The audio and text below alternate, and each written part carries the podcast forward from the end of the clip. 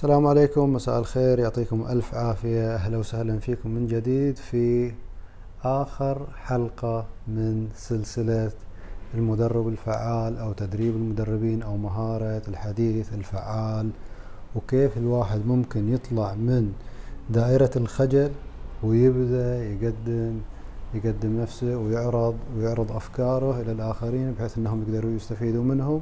يستفيد الآخرين من هذه الأفكار ومن هذه المادة أو ال material. وفي نفس الوقت نقدر نحسن من دخلنا وعلاقاتنا وثقتنا في أنفسنا. اليوم راح نعطي ملخص بسيط على اللي مرينا عليه في المقاطع السابقة وراح نختم إن شاء الله بإكمال المحور الرابع من النموذج الرباعي. تكلمنا في المقاطع الأولية قلنا أول شيء إن عشان بس نسوي recap إن إحنا الهدف من أصلا هذه القناة إن إحنا قاعدين نحاول نحسن من دخلنا ونحسن من علاقاتنا ونبني ثقتنا في أنفسنا. فحتى نحصل نتائج مختلفة نحتاج إلى مدخلات جديدة وهذه المدخلات تختلف. طبعا كل ما اختلفت المدخلات متوقع إن النتائج تختلف. فإذا ما كان إذا كنت أو كنتي يعني missing هذه ال skills أو يعني ما عندك هذه المهارة أو ما عندك هذه المهارة معناها هذا مدخل جديد راح ينضاف لك في حياتك. فهذا المدخل الجديد أكيد راح يصنع تغيير في حياتك. لما توجه باتجاه الأمور المالية راح تتحسن أمورك المالية. لما توجه بناحية العلاقات راح العلاقات تتحسن. ولما تبني هذه المهارة أوتوماتيك وبشكل تلقائي راح تلقى أن ثقتك بنفسك قاعدة تزيد لأن مهاراتك قاعدة تزيد وصورتك عن نفسك الصورة الشخصية الصورة الذاتية عن نفسك. راح تبدأ تتغير حبة حبة أو خطوة خطوة. أي مهارات جديدة الواحد يبنيها على طول التصور عن نفسه الشخص يزيد ويزيد عمق ويزيد يعني ثقة الشخص بنفسه وصورته عن نفسه تتحسن وهذا اللي يبني الثقة. لما يكون شخص ما عنده ثقة يكون عادة صورته عن نفسه في مجال معين مهزوزة. ليش؟ لأن في جهل أو في ضعف في المهارات المعينة. فإحنا لما نبني أي مهارة أوتوماتيك أصلا الثقة قاعدة تزيد. فالمدخلات أنواع. قلنا في مدخلات عبارة عن بيئة سواء كانت تغير البيئة أو تغير أصحابك الناس اللي حواليك أو مثلا تغيرات تكون المدخلات تغيير السلوك تغيير المهارات تغيير العادات تغيير القيم الهوية. ففي عدة آه، مدخلات راح نمر على بعضها أو الأمور المهمة منها وراح نسوي أو نسوي بعض التغييرات باستخدام نماذج مجربة وثبتت فاعليتها واحدة من أهم هذه المهارات إحنا. قلنا بنفو... بنعمل focus أو بنعمل تركيز على المهارات المهارات كثيرة واحدة من أهم المهارات هي مهارة الحديث الفعال أو ال public speaking وحتى الواحد يقدر يتمكن من هذه المهارة يحتاج إلى أدوات يحتاج إلى مساعدات إلى بعض الأمور اللي تعينه على هذه أو تحقيق الهدف المرجو والوصول إلى هذا ال level أو level الحديث الفعال في عدة نماذج في عدة مدارس في عدة models آه، يسموهم.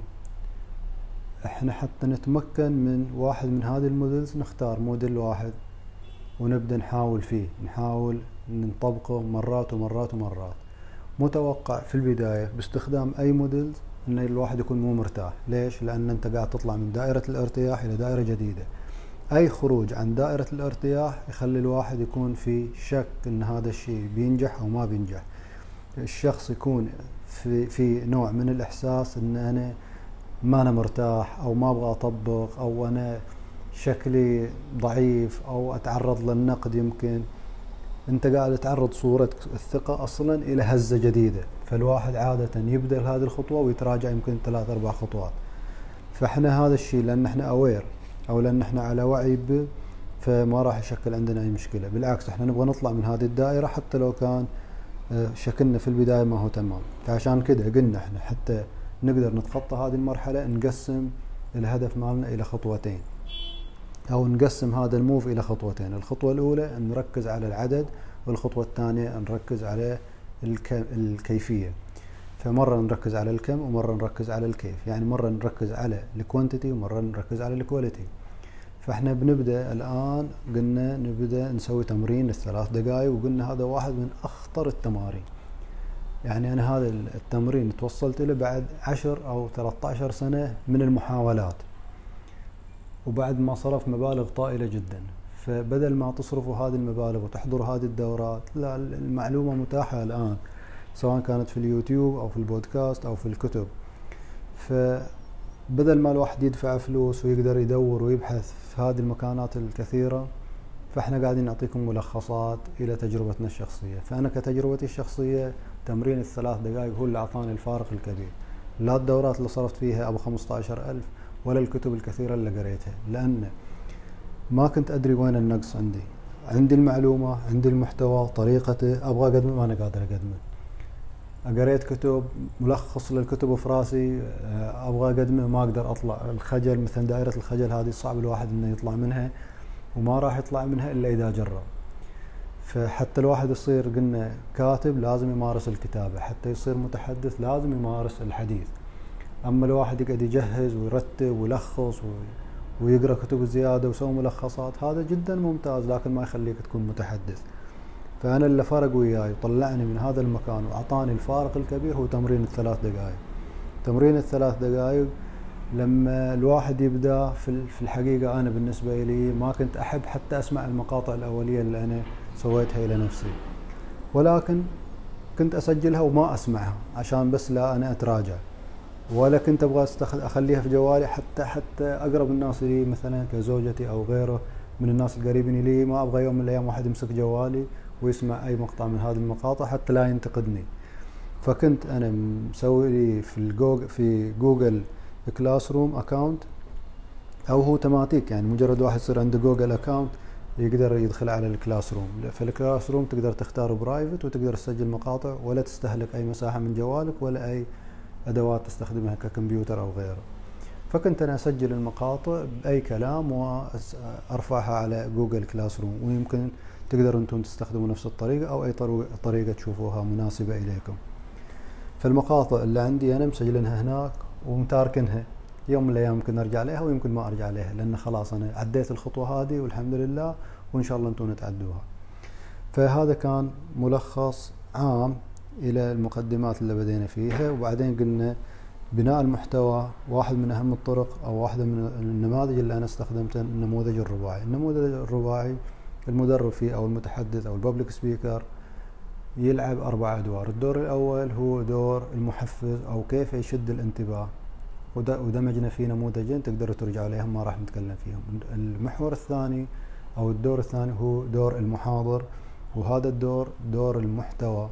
في عدة نماذج استخدمنا إحنا سي 2 بي 3 ما أبغى أضيف لكم أي نموذج ثاني. نخليه إلى وقت غير هذا الوقت. أنتم لازم تتدربوا الحين لأن إحنا بما أني استخدمته أنا ما أبغى أغير لكم الآن. في نماذج ثانية بس حتى ما تتوهوا واصلوا على هذا النموذج لين تتمكنوا منه. لما تتمكنوا بعدين تقدروا تضيفوا إضافاتكم الشخصية أو تشيلوا من هذه النماذج وتضيفوا نماذج ثانية بالشيء اللي يناسب أكثر شخصيتكم. المحور الثالث هو محور الكوتش أو المدرب. هذا المحور الشخص كيف يقدم أو كيف تحول الثيوري أو النظريات أو المادة العلمية إلى شيء قابل للتطبيق تحوله إلى تمرين معين. لما تحوله إلى تمرين معين الآن هذا الشخص اللي قدامكم سواء كان ولدك في تعلمه في مثلا مادة محتوى في المدرسة أو مثلا واحد قاعد تدربه في classroom أو virtual class مثلا في درس افتراضي زي ما إحنا قاعدين نتكلم. في تطبيقات هذه التطبيقات إذا قدرتوا تطلعوا عليها بتقدروا تعرفوا هل المعلومة اللي قدمتوها وصلت بشكل صحيح إلى المستمع أو لا.